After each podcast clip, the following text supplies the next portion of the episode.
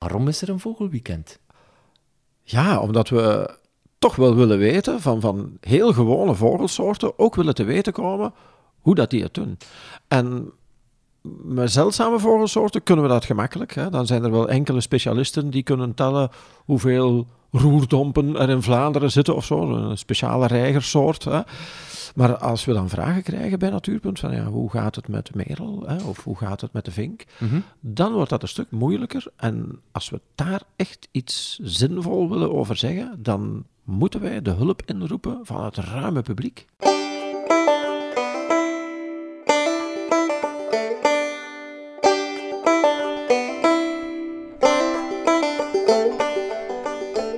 Welkom dames en heren bij een nieuwe aflevering van Feed Feed.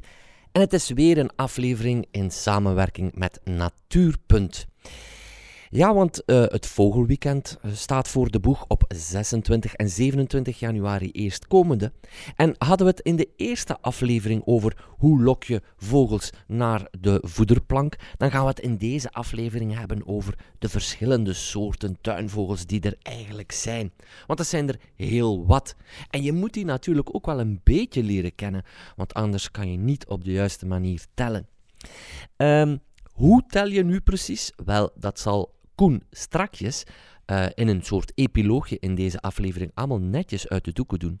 Maar je kan dat natuurlijk ook perfect nakijken op de website www.vogelweekend.be. Daar staat het zogenaamde protocol ook uitgelegd, middels een eh, leuk filmpje. Eh, daar kun je ook nog eens eventjes rustig alle soorten bekijken, want wij hebben in deze aflevering ook niet alle soorten besproken. Bijvoorbeeld de eh, mus hebben we niet besproken. Een, een aantal duiven zijn niet ter sprake gekomen. Maar je kan dat dus middels die site. En er is ook een vogelposter. Daar kan je dat eh, aan de hand mee doen.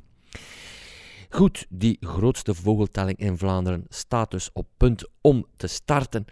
Natuurpunt heeft u nodig, dat hoorde u zojuist. Niet alleen om de cijfers, maar die, eh, ze willen nu natuurlijk ook warm maken voor de natuur. En in dit geval in de vogeltjes eh, die vlakbij zijn. Maar goed, eh, laten we weer beginnen bij het begin. Met Koen Leijsen, CVN Natuurpunt medewerker als gast.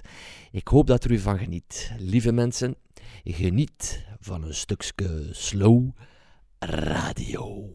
Koen, ik, ik ga er zo, ja, voor sommige mensen een bijna ordinaire uithalen. Hè. Maar waar dat volgens mij toch wel heel veel ook over kan verteld worden, dat is bijvoorbeeld die merel. Ja, De merel, lieve mensen, daar heb ik onlangs van gehoord dat die zo'n beetje zou kampen met het Oezutu-virus. ja. Ja, hoe, Ja. staat het met die merel? Wel ja, die hebben toch wel echt serieuze klappen gekregen in het oosten en het midden van het land. Vooral eh, ja, zijn er toch wel, ja, ik weet niet hoeveel procent er gesneuveld is, maar het zijn er echt wel veel. Er zit Ja. veel minder merels dan vroeger. Eh, ja, om dat echt te weten, daar hebben we nu natuurlijk die tellingen juist voor nodig. Hè. Dus we gaan zeker na het vogelweekend daar meer kunnen over zeggen. Maar ik voorspel toch nu al dat, dat daaruit zal blijken dat er een afname is. Hoe groot die afname Ja, juist ja. zal zijn, dat weten we niet, maar het zullen er minder zijn. En dat was vorig jaar eigenlijk al ingezet. Die ja, ja, vorig jaar was het al begonnen. Ja, Ah, ja, ja, het is maar te hopen dat hij zich de volgende jaren terug gaat herpakken, dat er een resistentie optreedt tegen die ziekte en dat die terug kan gaan uitbreiden. Laat ons Goed, hopen. dat is het slechte nieuws. Laat ons het goede nieuws ook eventjes meedelen. Die merel, wanneer het voorjaar wordt, dat is wat een van de eerste vogels die je hoort fluiten. Hè. Ja, dat is een hele vroege, echt, ja, soms al in februari, een iets zachtere avond, vooral dikwijls s'avonds dan. Of 's morgens heel vroeg, maar s'avonds avonds is in het vroege voorjaar ook heel goed. En ja, het is echt wel een prachtige zang. Eh, wordt door heel veel mensen toch aanzien als de mooiste vogelzang die we eh, rond de deur kunnen horen. Het is echt een melodie, hè, dat Ja. die merel fluit.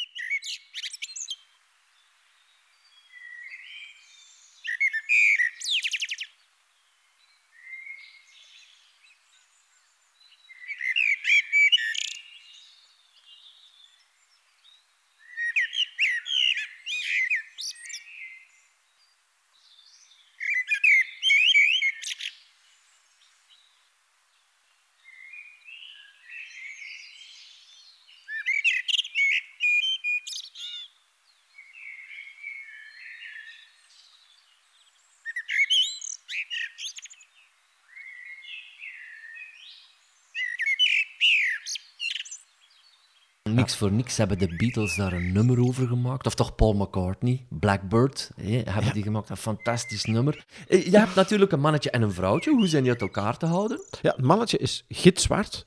eh, en het vrouwtje is zo toch iets meer bruinig en iets meer gevlekt op de borst. Ja, dus toch wel wat kleurverschil. Ja. En die, die snavel Ja, van die ook. merel. Die... Ja. Eh, Maar klopt het dan dat die, dat die snavel feller is van kleur? Ja, bij mannetjes is die snavel echt geel en die gaat dan naar het broedseizoen toe, wordt die zelfs oranje. Hè? En bij vrouwtjes is die toch wel wat eh, soberder gekleurd. Ja, want, want je vertelde in de vorige podcast over het voederen van de vogels dat die roodborst ja, eh, heel moeilijk eh, ja, overweg kan met soortgenoten, zeg maar niet eigenlijk, tot bloedens toe. En als dat hier voorjaar is en er zijn hier twee mannetjes merels, dat, dat, dat is ook echt vechten. Hè. Ik, Ja, ja, ja, ja, ja, ja. ja, ja. ik verschiet ook- daarvan, hè, Ja. want ik kom daar soms tot een meter bij en die blijven gewoon hangen aan elkaar. Hè. Ja, ja, echt achtervolgen. En die moeten dan echt de grenzen van het territorium echt met elkaar gaan afspreken. En wat wel opvalt is dan, als het jaar daarna dezelfde merelmannetjes op hetzelfde stuk zitten, dan moeten ze niet veel meer vechten. Want dan pakken ze gewoon de grenzen van vorig jaar. Dat is makkelijk. Ah ja, ah, ja, ja, makkelijk. Allee, dat, dat li- voor ons lijkt dat zo makkelijk. We zetten een paar palen in de tuin en dat is het. Maar die mannetjes, die vogels, die moeten dat toch op een, op een zekere intuïtieve manier doen eigenlijk. Ja. Hè? Alhoewel dat ik denk dat wij soms ook wel eens... eh, ja, alhoewel, elkaar de kop willen inslaan, wil ik zeggen. Maar eigenlijk is het wel waar, maar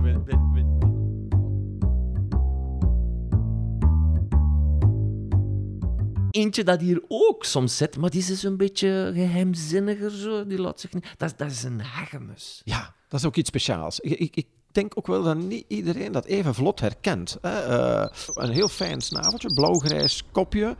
Eh, en die heeft wel een beetje een apart gedrag. Eh, die gaat dikwijls, bij mij merk ik dat toch wel echt op de voederplaats. Ik heb echt wel veel vogels soms. Ja? Maar die hegemus, die, die, die mijt de grote drukte. Eh, die, die probeert een beetje vroeger dan de rest. In de schemering zie je die soms al bijna als een muisje rondschuifelen. Zo met schokjes beweegt hij zich dan voort. Eh, bijna als een muisje. Schuifelt hij dan verder, pikt hier en daar wat op. En tegen dat dan de rest van de vogels eraan komt, is de hegemusje terug weg. Die lijkt eigenlijk op mij. ik, ik heb mij laten wijsmaken dat hij er wel een, een, een rijk seksueel leven op nahoudt. ja, ja, Natuurlijk, er inderdaad. luisteren kinderen mee. We moeten Ja. wel oppassen wat we nu gaan zeggen, maar ja, hij, hij is- Ja, ja. hij Als je durft dat, wel, dat, ja ze, daar zijn de wetenschappers ook wel heel hard van verschoten. Want ze wisten dat niet, omdat het mannetje en het vrouwtje zien er hetzelfde uit. En het is pas als ze echt eh, die goed begonnen te onderzoeken, dat blijkt dat eh, die er wel heel veel eh, andere relaties op nahouden hè, en heel veel scheve schaatsen rijden. Ja, het is denk ik op dat vlak toch wel ja, de meest promiscue vogel in onze tuin. Laten, we, laten we het daarbij houden. Ja, dat is nog proper, hè? Dat is heel proper. Ja, dat is heel, want anders moesten we het hebben over cloaca pikken. En dat gaan Nee, we niet nee, doen. nee, nee, dus- dat gaan we zeker gaan we niet. doen, gaan we Nee, niet doen. Maar Ja. het is wel zo. Maar goed, we gaan het doen. Dus mama's, papa's, eh, even op Wikipedia gaan en dan zult je daar wel iets meer over lezen. Als je echt geïnteresseerd zou zijn. Hè. Zeg maar, die merel en die hegemus, ja, dat, dat, dat lijken zo wat de kleurloze. Of toch eens een beetje saaier. Alhoewel, ach, kijk, het is goed en dat zijn prachtige vogeltjes. Maar als je dan opeens toch weer wel die bonte kleuren wilt zien. Oh, en dat vind ik zo schoon. Dat is die groenling. Ja. Oh. Ja, dat zijn heel knappe. Hè? En zeker die mannetjes, hè? met echt geel-groen zo. Ja, en zeker naar het voorjaar toe worden die nog intenser geel. hè? Uh-huh, Dan eh, komt die kleur er nog beter door. Maar zijn, dat zijn, die vrouwtjes die zijn redelijk sober. En die vrouwtjes, dat is wel een trucje voor om die te onderscheiden van een vrouwtje vink. Want een vrouwtje vink en een vrouwtje groenling... mm, Sowieso, ik ben dat er straks vergeten te zeggen, maar je hebt ook wel een verrekijker nodig, hoor. eh, vaak Ja. om, om je vogels te, te herkennen. Dus dat is ook wel geen Ja. een belangrijk attribuut. Maar bijvoorbeeld dat vrouwtje vink en dat vrouwtje groenling. Op eerste zicht lijken die wel wat op elkaar. Inderdaad, dat vrouwtje groenling heeft zo wel een beetje een groenige zweem. Maar je kan met enige fantasie dat bij een vrouwtje vink ook wel wat zien. Zo een beetje Ja. groenig. Ja. En dan is het eh, zaak om te letten op de vleugelstreep. Eh, een vink heeft een vleugelstreep dwars op de vleugel. eh, Mhm, die mhm, doorkruist de vleugel, Mhm, als het ware. mhm. Terwijl een groenling heeft een vleugelstreep parallel met de vleugel. Een streep die zo de rand van de vleugel volgt. En als je dat weet, dan ga je die heel vlot uit elkaar. Want, en dat is dus een manieren om vogels te determineren, is letten op details. Oog hebben voor die details. Bijvoorbeeld een, een vink, een mannetjesvink en een cape. Een wintergast die heel nauw verwant is met de vink. Ook heel mooi. Schoon, ja, ja, met ja, echt eh, de enige vogel die je kent met, met echt zo'n mooi oranje in, in de tint. Dat is echt chic. Maar bijvoorbeeld een mannetjesvink, die heeft een zo een beetje een rozige borst, maar de buik die een, heeft bijna dezelfde kleur. Dus er is bijna geen verschil tussen borst en buik. Maar bij de cape zie je echt oranje borst en witte buik. Mhm, mhm. Heel duidelijke verschillen als je weet waarop je moet letten. Ja. En eh, eh, een trucje dat ik nu ondertussen ook voor mijzelf geleerd heb, is... Ik heb natuurlijk een vogelgids. En de mensen kunnen heel goed een vogelgids aanschaffen. Alhoewel ze voor het vogelweekend volgens mij ruimschoots toekomen met die poster. Maar iets wat ik geleerd heb is... Vroeger als ik begon te vogelen... eh, ik begon dan onmiddellijk in mijn vogelgids te bladeren. Maar ik ben daarvan afgestapt. In die zin dat... eh, Je ziet die vogel, je begint te zoeken naar welke vogel is dat, en, en hij is weg. Ja. En nu heb ik een soort, ik noem dat een dummy gemaakt. Dus ik heb gewoon een vogel getekend. En dan, als ik die zie, kan ik daarop aanduiden van een beetje rozig hier, een beetje blauw daar, dat is zwart, de stuit is wit, dat. En dan, dan weet ik veel beter van, dat zijn zijn kenmerken. En dan kan ik, als, hij vo- als de vogel weg is en als ik hem geobserveerd heb, weet ik gewoon van, oké, nu kan ik beginnen zoeken in mijn vogelgids. Je kijkt heel erg serieus van, amai, begin, doe jij dat echt? Vind ik echt fantastisch, want dat is echt heel goed. Want Ah, dank zo, u, dank u, dank u. Ja, echt. Zo, zo bekijk je een vogel echt tot in detail. Je, als je een vogel zou, zelf zou moeten tekenen, pas dan leer je die vogel echt kennen. Ik heb nu al heel dikwijls een ekster gezien. Ja, Ik zou geen ekster kunnen tekenen. Nee, nee, Hè, nee, waar zit juist het wit en waar zit juist het zwart? Ik zou me toch wel eens kunnen vergissen, Ja. denk ik. Ja, maar dat, dat is ook het leuke. Ik teken, niet regelmatig, maar ik teken vogels. En het is door het tekenen dat je ze echt begint te kennen. Ja, ja, ja. Want, oh, die snavel van een wulp bijvoorbeeld, hè, dat is een, een, een steltloper, dan is het van, oh, die is echt wel heel lang. In verhouding tot dat kopkuin. Of die stuit is, ah, maar dat is wit. En, en dan zie je die schakeringen en je ziet de vogel compleet anders. Ja, dat is zeker heel goed. Je hoeft daar geen prijzen mee te winnen met die tekeningen. Maar het is door die te tekenen dat je leert kijken. Het is leren kijken. En, en eh, doordat je dat dan op papier moet zetten, leer je beter kijken. Ja, en ik denk dat er eh, bij de mensen maar één soort mens is die fantastisch goed kan kijken en opmerkingen kan maken waarvan ik dacht, ah, dat is waar. En dat is een kind. Ja, Kinderen hebben vaak een opmerkingsgeest die ehm, ja, niet bezoedeld is. ja, dat is nog fris, dat is onbevangen. Ja. En, en ja, die zien de dingen toch nog eh, helderder dikwijls dan dat wij Ja, dus kinderen, eh, help eh, weer al de oudere mensen die afgestompt zijn om de wereld te zien zoals zij is, namelijk mooi in uw tuin.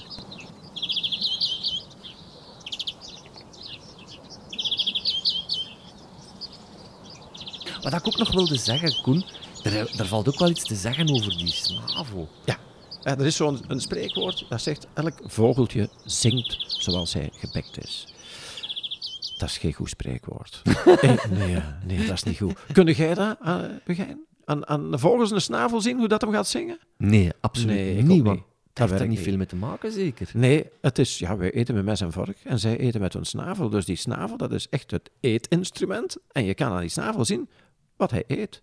Elk vogeltje eet zoals hij gebekt is. En dan zal je bijvoorbeeld zien inderdaad dat die groenling een heel forse, stevige snavel heeft, want die moet zaden kunnen kraken. Hè. Die heeft geen enkel probleem met zo'n zonnebloempit. Eh, daar weet hij heel makkelijk eh, we- weg mee. Ja, geen probleem. Als je een stap verder gaat, en dan bedoel ik, als je verder gaat naar een vogel die nog meer uitgebouwd is, gelijk dat je soms ziet bij een auto, dan gaan we naar een appelvink. Oho. gaan. Ja, ja, ja, ja, ja. Dat, is, een- dat is een beetje eh, ja, de bodybuilder bijna eh, onder de vinken. Hè? Of de Ah, John ja. Masses onder de vinken. Absoluut. John Masses die trok een trein eh, voort met zijn tanden. Wel, die appelvink die gaat een kersenpit doormidden bijten met zijn snavel. Ik, ik zou zeggen, ik raad het de luisteraars niet aan om dat te proberen. De tandarts zal daar misschien nog wel een beetje blij mee zijn. Maar ja, het gaat niet lukken. Nu, die appelvink staat niet op de poster, Nee, lieve nee. mensen. Ook omdat dat, ze noemen dat een invasieve. Ja, het is toch wel wat een invasievogel. Hè. Vorig jaar zaten er nogal wel wat en werden er links en rechts eh, ook wel eens op de voederplaats gezien. Maar ik denk dat dat deze winter minder gaat zijn. Ja.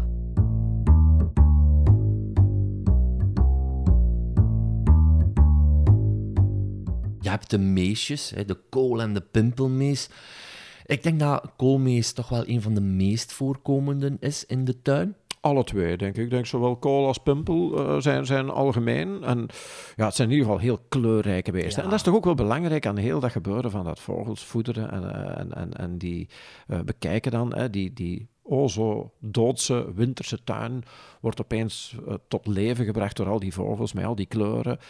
En uh, ja, dan, dat is, uh, het is ook heel knap om te zien wie is de baas uh, en wie komt er eerst en, en, en, en, wie is er dan aan de beurt. Want soms zit er ook wel een soort volgorde in. Hè? En, en het kan ook wel eens gebeuren dat je buiten komt of dat je aan, aan je raam komt kijken. Dat je zegt, ah, ik ga eens aan mijn telling beginnen. En er zit, er zit niks.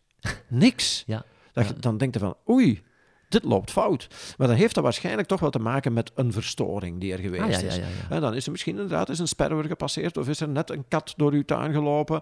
En dan kan er wel eens een half uurtje wat minder zijn. Mhm, Uh, mhm, dus mhm. dan zou ik zeggen, wacht even uh, en kom binnen een half uurtje eens terugkijken en opeens zit uw tuin weer terug vol. Maar, maar, maar dat, je moet soms ook het goede moment hebben om te tellen.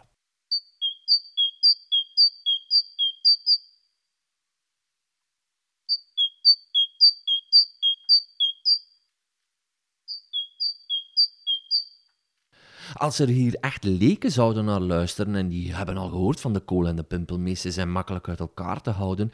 De pimpelmees heeft een blauw kapje.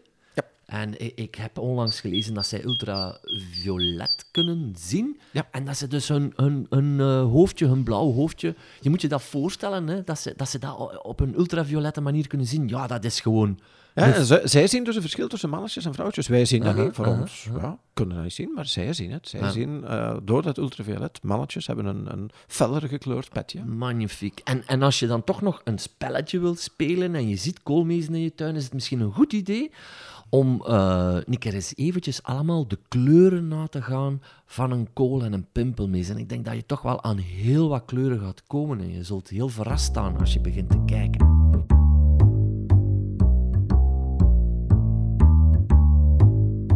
Ik wil eigenlijk heel graag naar de soorten gaan, waarvan dat sommige mensen misschien zullen zeggen: ja, maar voor mij zijn dat eigenlijk geen tuinvogels.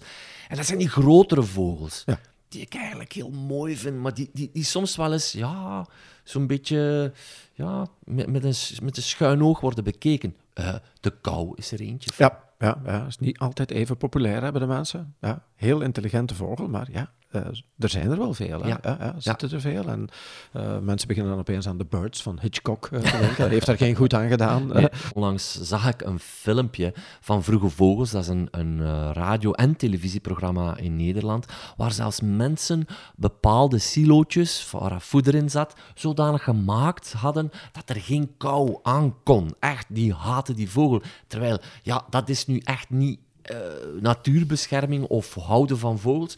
Probeer die vogels eens op je gemak te bekijken, te observeren. En zie eens hoe dat die samen ja, interageren met elkaar.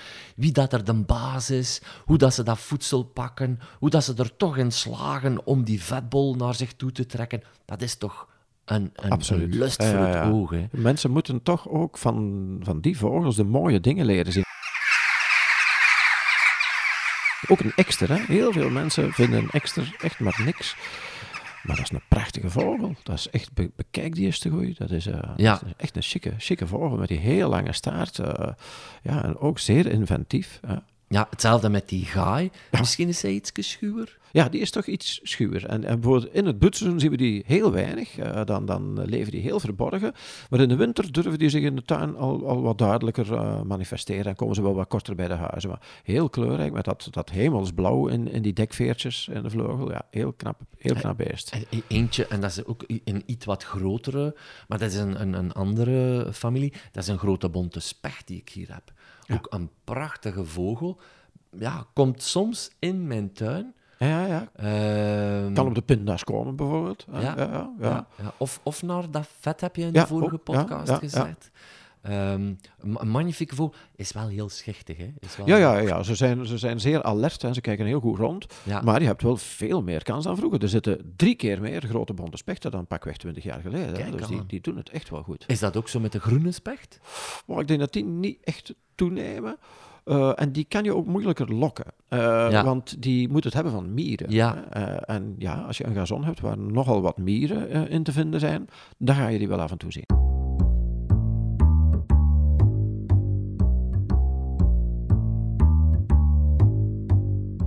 En een winterkoning is echt zo'n heel mooi bolletje met zo een opgewipt staartje.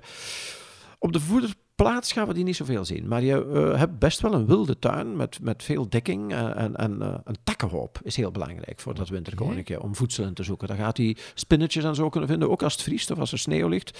Gaat hem dan in die takkenhoop toch nog altijd wel, eh, wel de, de nodige, het nodige voedsel vinden. En dat is wel natuurlijk die beestjes. Pas op. Die hebben een lichaamstemperatuur van 41 graden te onderhouden, die vogels. En als die na een koude winternacht, hè, als het bijvoorbeeld min 5, min 10 vriest, Ja. en eh, die hebben dan de dag daarna een halve dag aan een stuk geen eten gevonden, dan zou het wel eens kunnen dat die sterft. Ja. Omdat die echt door zijn reserves zitten. Ja. Die hebben heel weinig reserves. En die hebben veel buitenkant, weinig binnenkant, verliezen veel warmte. En eh, moeten dan eh, wel. En, dat- en dat vinden ze niet in elke tuin. Een, tuin, een tuin. Vaak zijn onze tuinen veel te clean, veel te netjes. En dat is niet zo fijn voor het winterkoning. Ja, ja, dus, dus eh, die zijn weinig met het, met het voer dat wij strooien. Ja, je, eventueel, misschien is er eens een winterkoninkje dat, dat, dat is op meelwormen kan afkomen of zo van die dingen. Dat zou kunnen. Alhoewel je daar toch nog meer kans hebt om dat, om dat roodbosje eh, te lokken. Dus daar eh, denk dat daar meer de inrichting van de tuin aan bod komt voor dat winterkoninkje.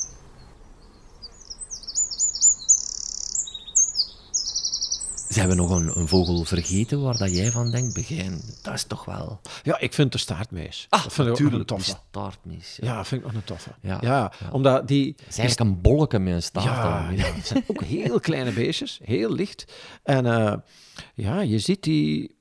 Meestal zie je die geen uur aan een stuk in je tuin. hè. Mhm, Je ziet die eens vijf minuten of tien minuten. En dat zijn altijd groepjes. Ja. Losse groepjes. Het is Ja. precies alsof die met een dunne elastiek aan elkaar hangen.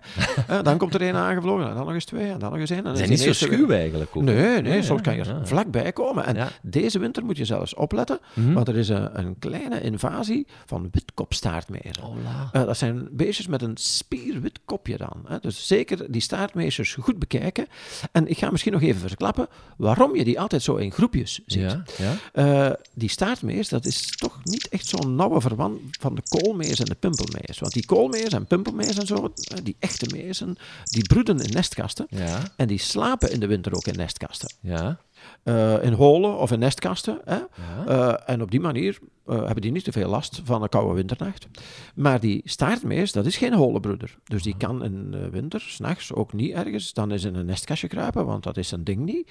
Nee, wat dat die doen, die gaan allemaal tegen elkaar, naast elkaar op een takje zitten en heel dicht tegen elkaar aan schurken zo en de veertjes in elkaar vlechten om op die manier samen één groot lijf te vormen en beter tegen die kou te kunnen. En daarom zie je die altijd in groep, omdat die s'avonds samen moeten kunnen gaan slapen. Ah, ja. Dus die moeten elkaar blijven vinden. Ja, voilà. de warmte. Maar dat is fantastisch, hè? Dus die, die hebben die, dat systeem gevonden. Dat zou eigenlijk ook iets voor de winterkoninkjes moeten zijn. Wel, winterkoninkjes kunnen wel eens eh, bijvoorbeeld wel in een nestkast gaan eh, slapen. Ik heb bijvoorbeeld wel eens een opname gezien van eh, een hele bende winterkoninkjes, dat waren er wel meer dan tien, die in een nest van een huiswaluw gingen slapen. Dus ergens onder een dakgoot. Hè? Een nest van een huiswaluw heeft maar een kleine opening. Eh, en die kropen, daar- die bleven maar bijvliegen. Je zou dan denken, is daar nog een achteruitgang?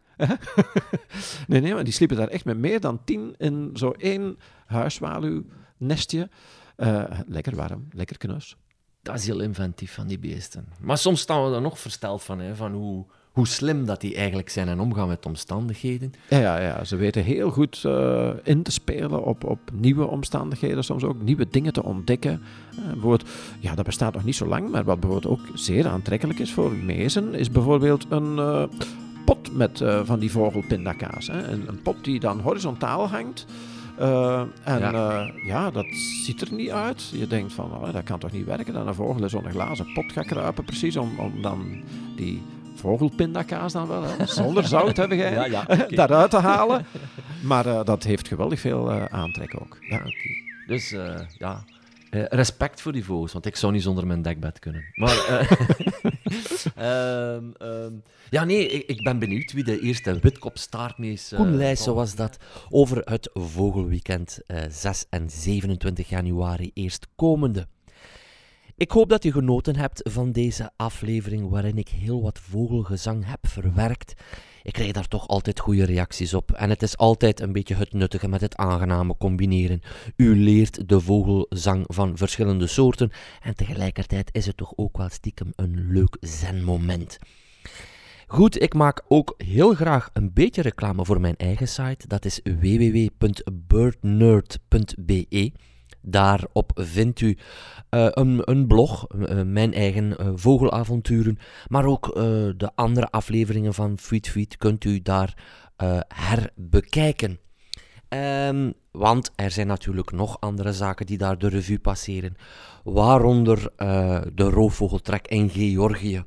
En de volgende aflevering, ja, in de volgende aflevering, dan kom ik heel graag terug op de Belgische Vogeldag, die plaats zal hebben in de Universiteit in Antwerpen. Eh, de Belgische Vogeldag is op 19 januari. En dan zal uh, ik daar uh, Tim Burkhead interviewen, een, een mega vogelexpert zal ik maar zeggen. Maar ook Elvira Werkman, die een prachtig boek heeft geschreven over de grauwe kiekendief. Ben Cox, de man die de vogel introduceerde, heb ik al gesproken, dus dat zit al snor. Maar die combinatie zal waarschijnlijk perfect werken. Goed, nu een epiloogje dat nog wel heel belangrijk is, want vogels stellen, dat doet je uh, volgens een bepaald uh, protocol, noemen ze dat, bepaalde regels. En we hebben ervoor gekozen om dat op een dubbele manier uit te leggen. Enerzijds vind je dat op vogelweekend.be, maar anderzijds kun je dat hier ook nu uh, even beluisteren, want Koen gaat dat netjes verklaren. Ik zou zeggen, dit was het wat mij betreft voor deze aflevering. Op het laatste van deze aflevering hoor je nog de gezangen van een prachtige roodborst. Geniet daar ook van. En ik zou zeggen, doei. Ja, ik denk dat het heel belangrijk is dat we die regels goed blijven communiceren, want we krijgen artikels toch ook vragen rond. Hè. Dan zeggen mensen van, hoe kunnen nu weten hoeveel vogels dat er in een tuin zitten? Dat vliegt toch allemaal op en af? Hè? Je telt toch altijd andere? Of, of de gebuur telt die dan ook, toch ook? Hè? Dan hebben we toch dubbeltellingen of zo? Nee, dan moet je allemaal niks van aantrekken. Je moet inderdaad dat protocol volgen. En dat zegt dat je ja, toch best minstens een kwartier telt. Ik, ik denk het beste van achter het glas. Hè, want als je echt de tuin gaat inwandelen, ja, dan vliegt gewoon alles weg. Ja, dan moet je dat heel snel kunnen mhm. determineren en tellen. Dus ik denk dat het toch beter is om van achter het glas te kijken. Een beetje verdekt opstellen. Ja, voilà. Ja, ja, met, Een, met een camouflagenet. Uh, Nog net niet, maar toch stilletjes, stilletjes zitten is misschien toch wel... Ik merk dat bij mij ook. Hè. Als ik aan het raam kom staan, dat kan natuurlijk aan mijn gezicht liggen. Maar de vogels blijven dus opvliegen. Hè? Ondanks het feit dat ik die hen elke ochtend voeder. Hè, dat je zou denken, die kennen me nu toch en die weten dat ik het alleen maar het beste voor heb met hen. Vliegen die toch op. En, maar als ik me daar even zet, eh, dan, ja, dan gaan die ook wel terugzetten. Ja, dus uh, kinderen die meetellen, want ik hoorde dat kinderen enorm graag die vogels tellen. Hou de mama's en de papa's in toom en zorg ervoor dat ze roerloos stil blijven zitten, zodat er goed vogels kunnen geteld worden. Voilà. We waren aan het feit dat ze een kwartiertje kunnen tellen, ja, maar uh, het is soort per soort tellen. Of zie je een kou is één, een, een Turkse tortel is twee, dan een koolmis is drie. Nee, nee, nee. Het is per soort dat je, dat je het maximum moet noteren. Dus je ziet, de ene keer zie je is drie koolmezen, dan zie je er is twee, dan maar eens één. Maar op een gegeven moment zie je er is vier tegelijk.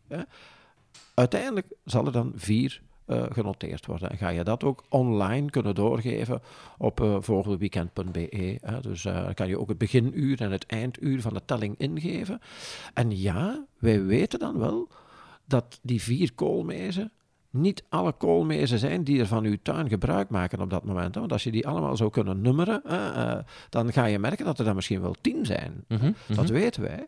Maar wij zeggen ook niet dat we met die cijfers precies kunnen zeggen hoeveel het er zijn. We gaan wel kunnen zien hoe dat die stand evolueert. Hè. Als er echt minder koolmezen zitten dan het jaar ervoor, dan gaat er dat wel uitkomen.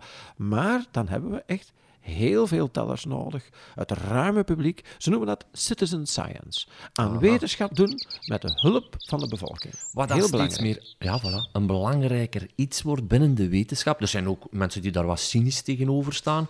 Maar we, we en dan bedoel ik, eh, ik reken mezelf al bij de wetenschappers, ik ben dat niet, maar de wetenschap heeft eigenlijk steeds meer en meer nood aan die citizen science. Dus uw steentje is heel erg belangrijk hierin. Absoluut. Ja. Absoluut.